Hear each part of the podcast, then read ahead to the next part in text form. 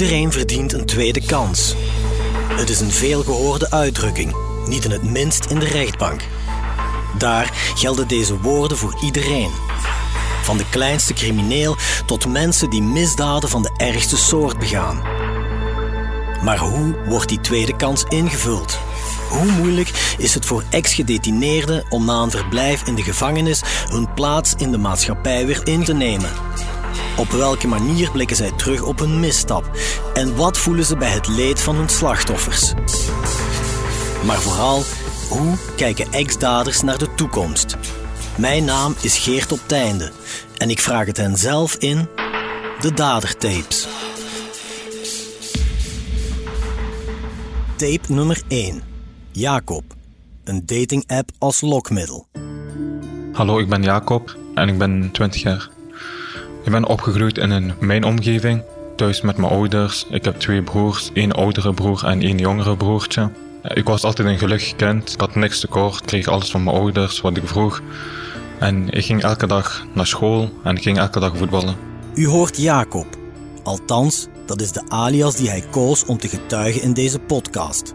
Jacob wil anoniem blijven, omdat hij nog in zijn strafuitvoering zit en omdat hij zijn tot nu toe succesvolle rehabilitatie in de maatschappij niet wil hypothekeren door zijn werkelijke identiteit prijs te geven. Uiteraard is Jacobs echte naam wel bekend bij de redactie. En ook bij justitie is de man geen onbekende. Want enkele jaren geleden werd de toen pas 18-jarige jongen veroordeeld voor zwaarwichtige feiten. Ondanks zijn blanco strafregister kreeg Jacob vijf jaar cel, gedeeltelijk met uitstel, voor diefstal met geweld. De tiener werd gezien als de leider van een 15-koppige bende met wisselende samenstelling, die via een dating-app homoseksuele mannen naar afgelegen plaatsen lokte om hen daar aan te vallen en te beroven.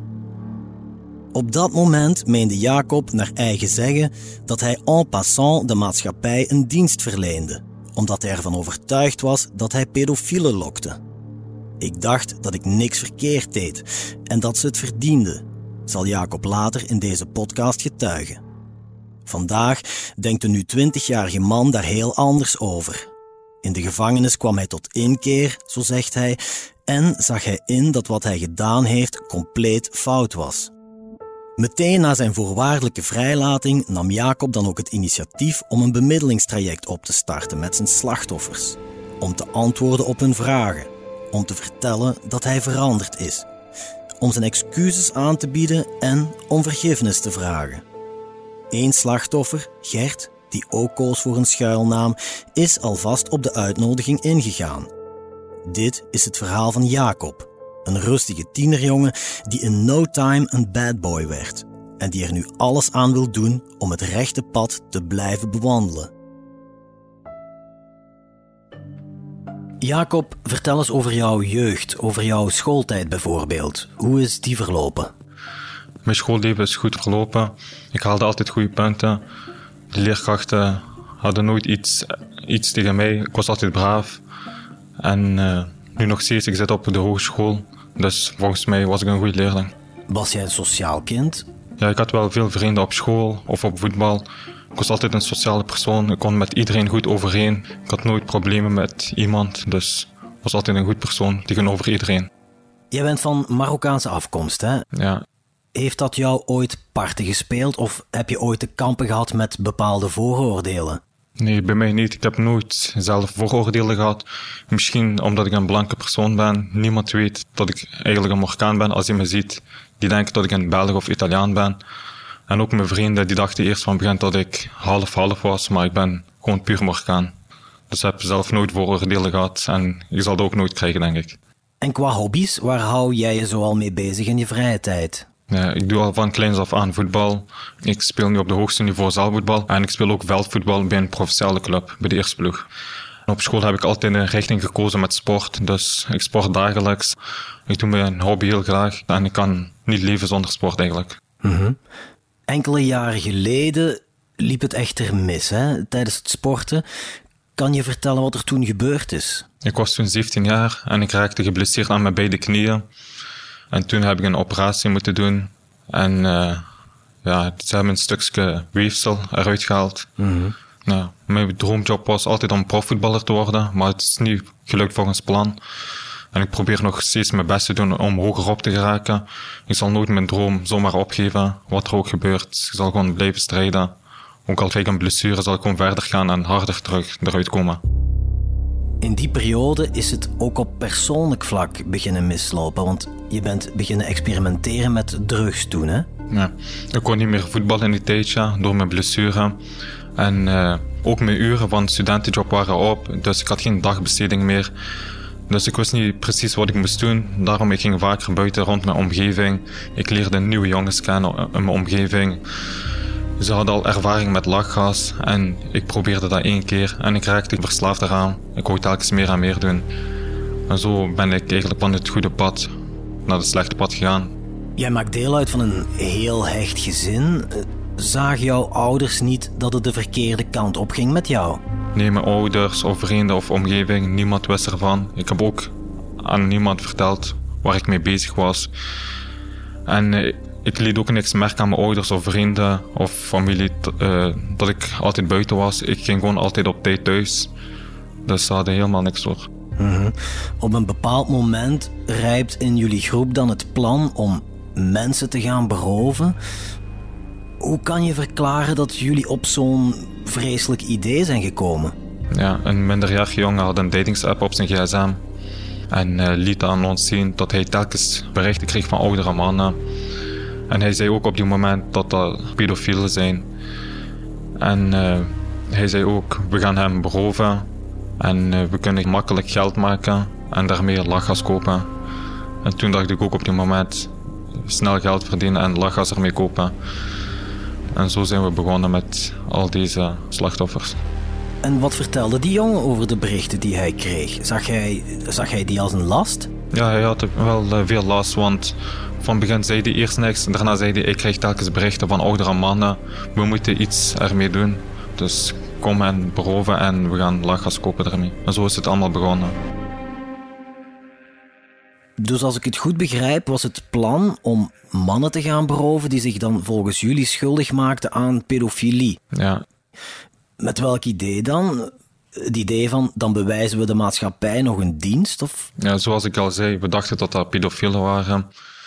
We hadden alleen oudere mannen gelokt, maar geen jongere mannen. Ikzelf, ik heb ook niks tegen homoseksuele mensen. Ik heb ook heel veel vrienden die homoseksueel zijn. Ook op werk, mijn collega's homoseksueel waar ik heel goed bevriend ben, nooit problemen mee gehad. Dus ja, op die moment was het gewoon dat de oudere mannen waren en verkeerde gedachten hadden bij ons dat het pedofielen zijn en niet homoseksuele mensen. Hoe zijn jullie dan vervolgens te werk gegaan om die mannen te lokken? We deden dat altijd samen. Dus we gingen afspreken op een eh, plek waar we altijd samenkomen. En op die plek uh, maakten we contact met slachtoffers of we kregen zelf berichten van slachtoffers. En uh, het ging uh, via een datingsapp. We maakten een valse profiel aan. We neemden gewoon een foto van een jongen van het internet.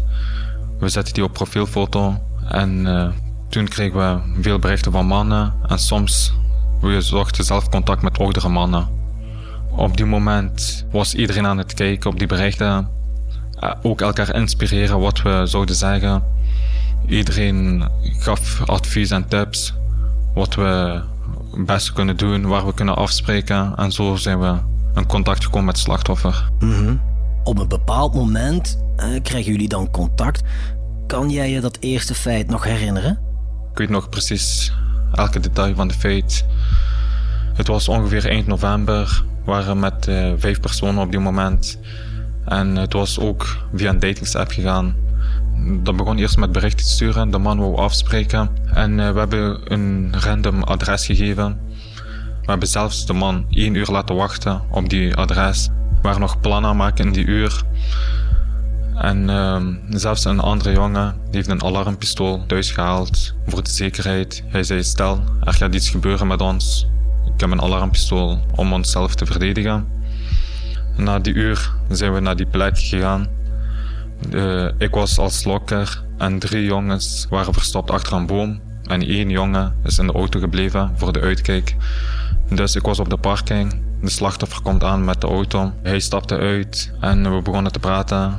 hij vroeg telkens om in te stappen en om een leuke date te hebben. Of hij zei ook tegen mij: Kom, we gaan bij ons thuis, we gaan weg van hier. Want hier is het niet gezellig. En toen drie jongens kwamen uit de struik en riepen tegen de man: Geef de portefeuille. Uh, toen ben ik op die moment even weggelopen en toen zag ik dat de man moeilijk deed om zijn portefeuille af te geven. Ben ik teruggegaan, heb ik de jongens geholpen. Iedereen heeft de man een trap gegeven, ook vuisten op zijn gezicht. En toen gaf de man de portefeuille en we vroegen: geef de bankkaart. En de man heeft de bankkaart gegeven met de code. Toen hebben we nog enkele trappen gegeven naar de slachtoffer. En toen zijn we terug weggelopen naar de auto. En toen zijn we naar de bank gegaan. We hebben wat geld afgehaald. En, uh, en ik zei, ik wil nu naar huis gaan, want mijn ouders hadden me ook gebeld op die moment. Toen ben ik als eerste naar huis gegaan, die hebben me thuis afgezet. En toen was ik gewoon thuis. Besefte jij op dat moment dat jij je schuldig had gemaakt aan een ernstig misdrijf? Ja, ik was heel tijd nerveus. Stel dat de politie nu gaat uh, binnenkomen en mij gaat oppakken. Maar daarna, de volgende dag gingen we met de jongens buiten. Daarmee gingen we lachgas kopen met die geld om al die, al die dingen wat we hebben gedaan te vergeten. En toen vergat ik al die feiten wat ik had gedaan. Stonden jullie op dat moment dan niet stil bij wat jullie die man hadden aangedaan? Ik zeg je eerlijk, ik had, ik had geen empathie met de slachtoffer. Ik dacht ook op die moment dat ik niks verkeerd deed, dat het gewoon pedofielen zijn. En uh, op die moment dacht ik, ja, hij heeft het verdiend. Als ik had ingezien dat ik verkeerd bezig was, was ik ook onmiddellijk gestopt. Maar ik bleef gewoon doorgaan, doorgaan. Dus ik had geen empathie met slachtoffer, ik had geen medeleven. Ik was gewoon een andere persoon op die moment. Ik was niet mezelf. Tijdens die eerste aanval hebben jullie meteen geweld gebruikt. Was dat ook het geval bij de latere feiten? Ja, bij elke feit is wel geweld gebruikt. Meestal is het gebruikt door, door te slaan met de vuisten of te trappen met de benen. En enkel bij de eerste feit is een alarmpistool naar boven gekomen. Ik vind het eerlijk gezegd moeilijk te begrijpen hoe jullie tot zulke gewelddadige feiten konden overgaan. Hoe konden jullie je zo ver krijgen om dit te doen? Kan je dat uitleggen? Ja, op, op die moment iedereen was elkaar op en peppen. Zo van, we moeten geen bang hebben van niemand. Dus iedereen schepte elkaar op, zodat iedereen meer zelfvertrouwen heeft. En uh, bij elk feit is er andere jongens gekomen, omdat sommige jongens niet meer durfden om verder te doen. En veel jongens wisten dat, waar we mee bezig waren. En toen kwamen andere jongens naar ons om ook deel te nemen aan deze feiten. Ja, want uiteindelijk zijn er 15 jongens opgepakt. Dus terwijl jullie met vijf zijn begonnen, was de bende al snel uitgebreid. Ja, klopt. Jullie hebben in totaal vijf slachtoffers gemaakt, hè? Ja. Over welke tijdspannen spreken we dan? Die feiten zijn in één maand gebeurd. Was van november tot december gebeurd. Van de ene feit naar de andere feit. Het was heel gemakkelijk. En daarom bleven wij telkens doorgaan. We telkens meer en meer. En zo zou verder blijven gaan. En toen ben ik 3 januari opgepakt. Jacob, ik probeer het te begrijpen. Hè? Jij zit hier voor mij als een zeer rustige, beleefde, intelligente jonge man. Probeer mij eens uit te leggen hoe is het mogelijk dat jij van het ene op het andere moment in staat bent geweest om zulke zware feiten te plegen, hè? om dergelijk geweld te gebruiken tegenover weerloze mensen? Ja, ik ben in één maand gewoon veranderd van persoon, van een rustige persoon naar een monster eigenlijk. Ik, heb uh, daarvoor nooit mensen pijn gedaan, maar op die moment ja, was ik een heel andere persoon op die moment. Was mijn eigen niet meer. In een maand tijd verandert Jacob van een vriendelijke jongen in een monster, zo zegt hij zelf. En het klopt. De feiten die hij en zijn kompanen begaan, die zijn gruwelijk. Dat beseft Jacob nu ook. Maar toen had hij totaal geen empathie. Laat staan enig schuldbesef, zo zegt hij. Want de bende pleegt feit na feit, vijf in totaal. Enkele weken na hun eerste overval hebben ze een nieuw slachtoffer in het vizier met wie Jacob later in bemiddeling zal gaan. Mijn naam is Gert, ik ben 49 en ik zit in een bemiddelingstraject van Jacob. Gert, je was ten tijde van de feiten actief op een dating-app. Welke was dat? Het is een app die heel veel gebruikt wordt uh, bij iedereen. De app Badoo. Het is een betrouwbare app, maar er zitten heel veel nep-profielen op de laatste jaren. Die zijn heel moeilijk te herkennen. Oké. Tijdens het voorgesprek dat we eerder hadden, vertelde je dat het tien jaar geleden ongeveer ook alles misliep hè, na een chatsessie met zo'n dating-app. Ging het toen om dezelfde app? Dat was dezelfde app, ja. Een date willen vastleggen en uiteindelijk, ja, hetzelfde. Ook met bepaalde mannen. En ook in de vallen gelopen. En ook overvallen geweest. En de daders van destijds, zijn die veroordeeld? Die zijn gestraft geweest. Die zijn allemaal vervolgd geweest, ja. Oké, enkele jaren geleden kreeg je dan opnieuw contact met iemand op Badoo, van wie achteraf dan bleek dat het om een vals profiel ging. Hoe stelde die persoon zich voor? Gewoon als een jong iemand uh, die ook op zoek was. En niet meer, niet minder dan dat. Hm. Wat moet ik mij voorstellen bij zo'n chatsessie? Hoe verloopt die? Een conversatie dat ze doen en praten met u en uh, wie dat je bent, uh, wat dat je zoekt en dergelijke. En, en zo u probeert te overtuigen natuurlijk. Hè. Dus uh, initieel voelde dat gesprek eigenlijk wel oké okay aan? In het begin was er gewoon een gevoel dat het gewoon vlot ging. En op het laatste krijg je wel een gevoel van dat het niet zo vlot meer ging. Hoe bedoel je? Waaraan merkte je dan dat het gesprek plots toch niet meer zo vlot verliep? Omdat op het moment dat de chat bezig was, op een moment dat het lang duurde dan ze antwoorden. En dat is niet de normale gang van zaken, want normaal gezien in een chat antwoorden ze veel vlugger. Oké. Okay. Ondanks je argwaan heb je dan uiteindelijk toch besloten om af te spreken. Hoe hebben ze jou zover gekregen? Hoe hebben ze dat aangepakt? Ja, op een manier van, ja, kom toch maar af, zo op die manier. Hè. En hun manier van praten, dat ze toch zeiden van kom maar. Uh, dus bleven aandringen dat ze gedaan hebben. En dat heeft mij dan toch overtuigd om toch te gaan. Daar ben ik op ingegaan. Gert probeert zijn wantrouwen aan de kant te zetten. En hoewel hij er nog steeds niet helemaal gerust in is, spreekt hij kort na kerst dan toch af met zijn vermeende chatpartner, die in werkelijkheid de bende van Jacob is. Wat er zich die avond vervolgens heeft afgespeeld, vertelt Jacob zelf. In december zoeken jullie dan contact met Gert, het slachtoffer met wie jij nu in een bemiddelingstraject zit. Hoe zijn jullie deze keer te werk gegaan? Het was weer via een datingsapp. De slachtoffer wou afspreken. We hebben een adres gegeven en we zijn naar daar gegaan. Op die moment waren we met drie personen. Ik was de lokker en uh, twee jongens gingen achter een boom verstoppen. Hij kwam aangereden naar mij en ik deed de deur open en de slachtoffer zei tegen mij, stap in de auto in. En ik zei tegen hem, wacht, ik kom zo. En toen ben ik teruggegaan naar die twee andere jongens die zich verstopten achter een boom. En toen zeiden twee andere jongens, ga gewoon instappen. Voordat je instapt, we gaan aan de slachtoffer zijn deur de deur open doen en dan gaan we alles regelen. En toen ben ik gewoon gegaan ik heb de deur open gedaan, ik stap in. En voordat ik instapte was de deur al open van de slachtoffer. Hij kreeg enkele trappen en begon weg te lopen. We hebben hem vastgegrepen van zijn arm. We hebben hem terug naar de auto gebracht. Ook enkele trappen weergegeven. En we vroegen, geef de bankkaart met de code. Zijn we met hem naar de bank gewandeld. Het was ongeveer 300 meter wandelen. En ik zag ook aan het slachtoffer dat hij heel bang was. Hij was aan het trillen. Hij deed alles wat we vroegen.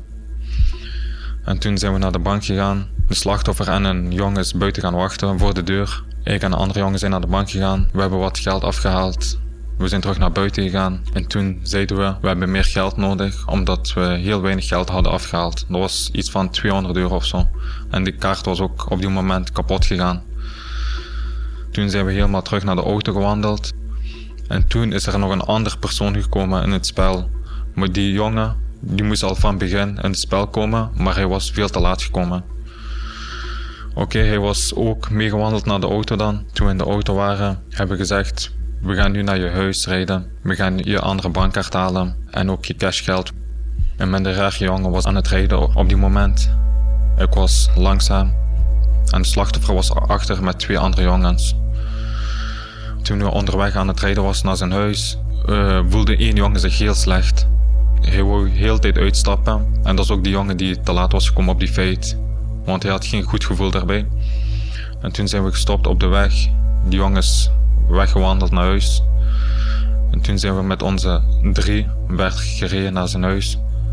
Toen we aankwamen, is het slachtoffer naar binnen gegaan. Toen uh, gaf hij de bankkaart aan ons, ook cashgeld. Toen zijn we terug, helemaal gereden naar de bank. Toen we bij de bank waren, is één jongen uitgestapt en een andere jongen heeft wat cashgeld afgehaald. En toen hij terugkwam, heeft hij uitgedeeld in de auto. En toen zijn we naar een afgelegen plek gegaan, gewoon op een parkingplaats. Is iedereen doorgegaan naar huis, hebben de slachtoffer gewoon daar gelaten. De auto hebben we teruggegeven, de gsm hebben we teruggegeven. Toen zijn we weggegaan.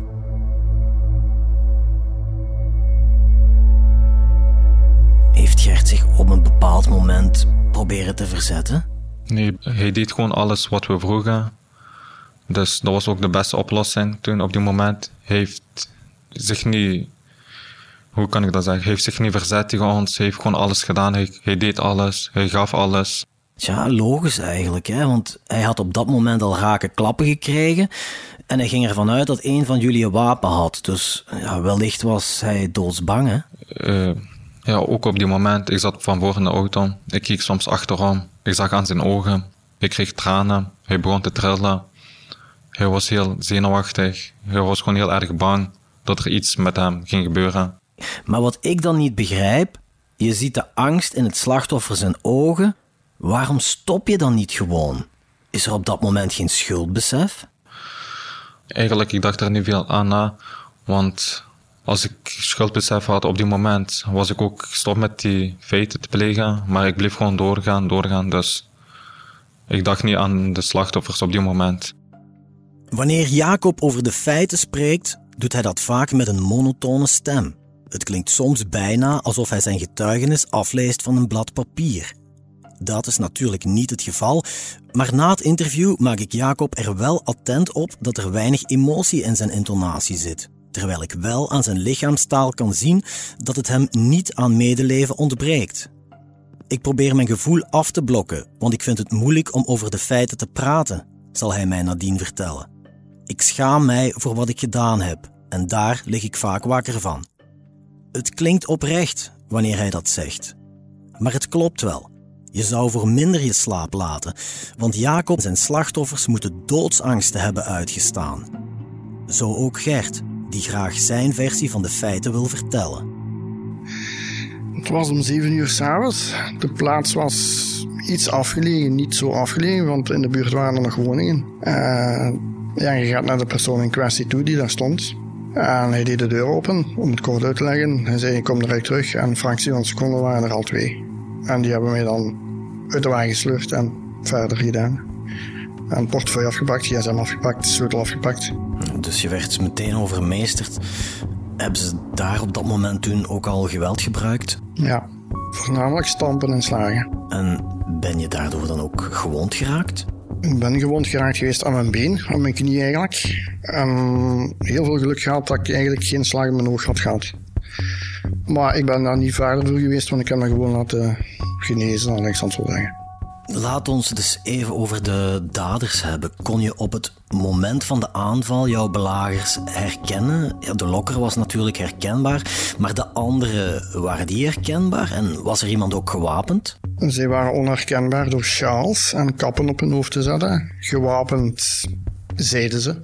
Ene toch. Mm Vervolgens nemen ze dan te voet mee naar een bankkantoor iets verderop om geld af te halen. Hoe lang heeft die wandeling geduurd naar de bank? Ik denk een, een tien minuten of zo. Mm, er werd niet veel gezegd. Er werd gezegd van doe normaal. Niet roepen, uh, want we hebben een wapen bij. En dan gaat je mee met hun. En zijn jullie onderweg dan iemand tegengekomen? Hebben jullie iemand gekruist? Uh, ik ben iemand tegengekomen, twee mensen op de fiets. En toen moest ik zwijgen en heel normaal doen. Ja. Goed, jullie komen dan aan de bank. Er wordt wat geld afgehaald. Maar blijkbaar was dat niet genoeg voor de daders. Hè? Dus wat gebeurde er toen? Wel, één had ook de gsm. En op de gsm staan natuurlijk je apps van de banken. Ze zien dat, je moet die codes geven. En toen zagen ze de andere app van de andere bank. En toen heb ik gezegd, ja, ik heb thuis nog. Omdat het niet genoeg was, want ik had die kaart niet bij, want ze vroegen die. En dan zei een van de daders, ja, is goed, dan ga je naar huis en naar je thuis. Dus Je wordt dan eigenlijk gegijzeld in je wagen en vervolgens is dan, als ik het goed begrijp, een van de daders achter het stuur gekropen en zijn jullie naar de woonst gereden. Ja. Hoe lang zijn jullie onderweg geweest?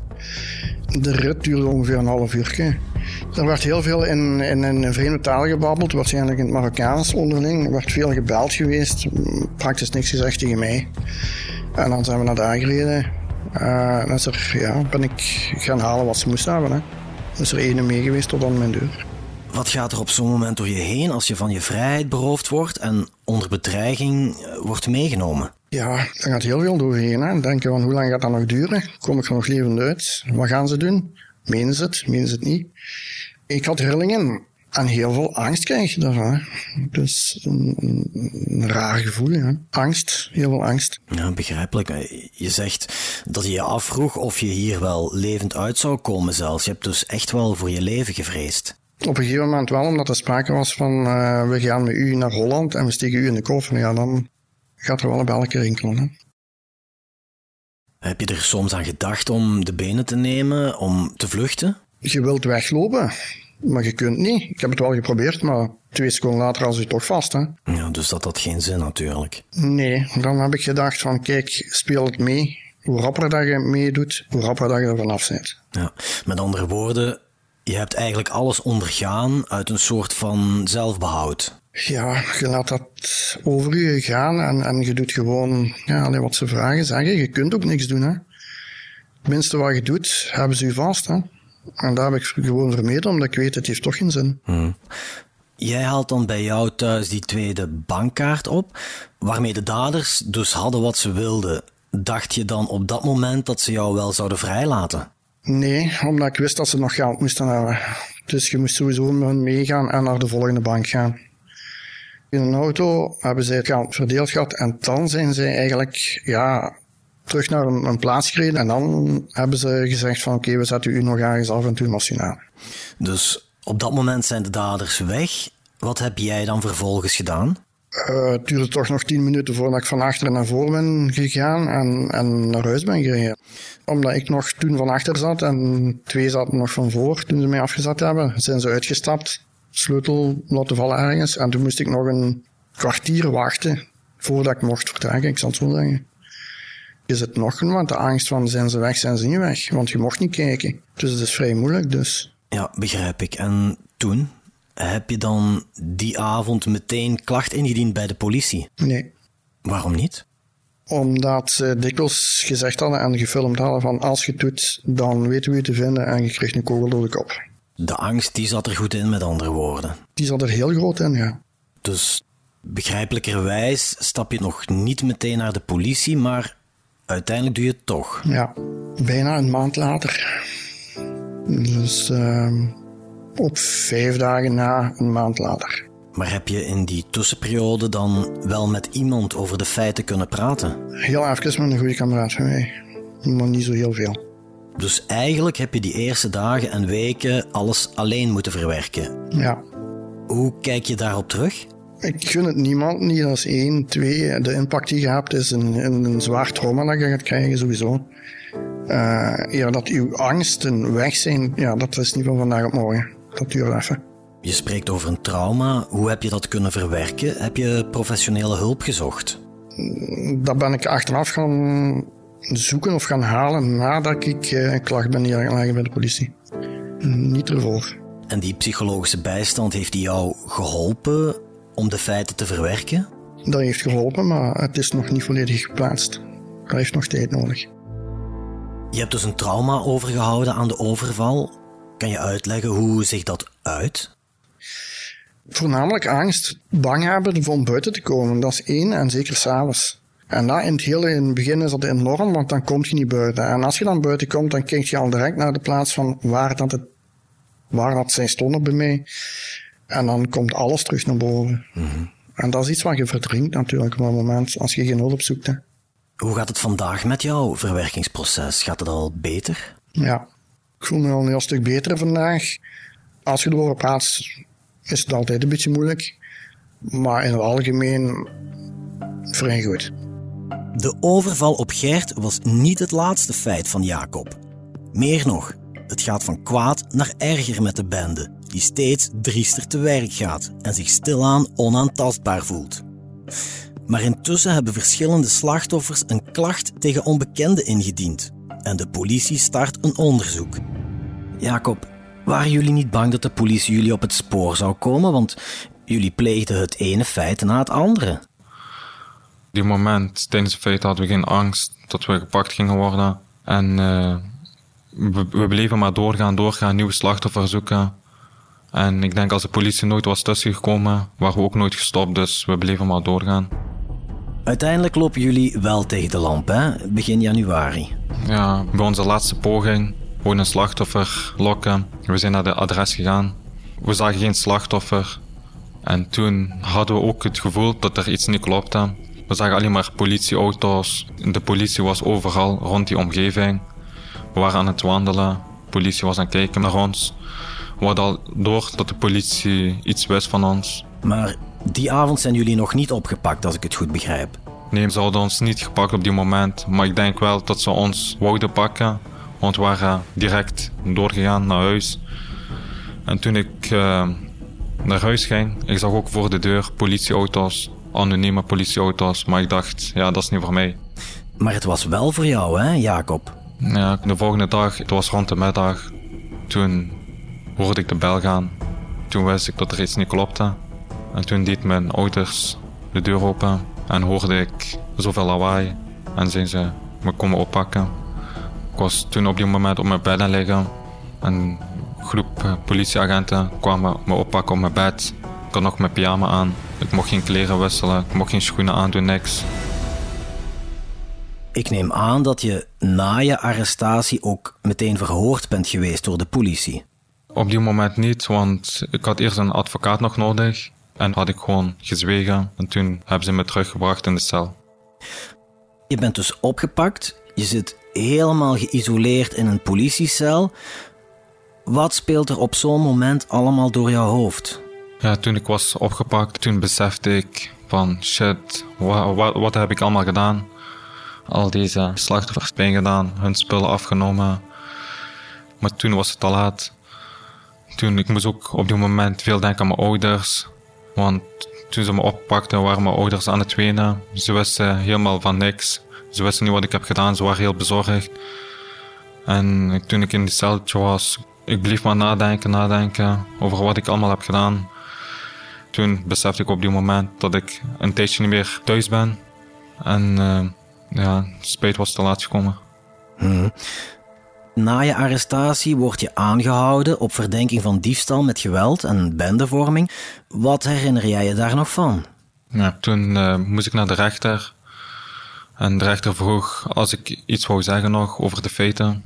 En op die moment heb ik gezegd dat ik er niks mee te maken heb.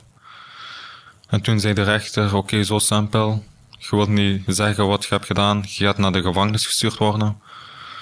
En toen kwam ik aan in de gevangenis. Ik moest vingerafdruk doen. Ik mocht mijn eigen kleren niet houden. Ik moest mijn gevangeniskleren aandoen. Op die moment was ik ook aan het wenen. Je zit met een onbekende persoon in een celletje. En die persoon, hij zat voor een moordzaak. Hij sprak geen Nederlands. Ik kon met, met hem niet communiceren. En ik kon niet slapen. Ik zei, stel, hij doet iets met mij. En ja, pas na drie, vier dagen kon ik voor het eerst mijn ouders bellen, mijn broers.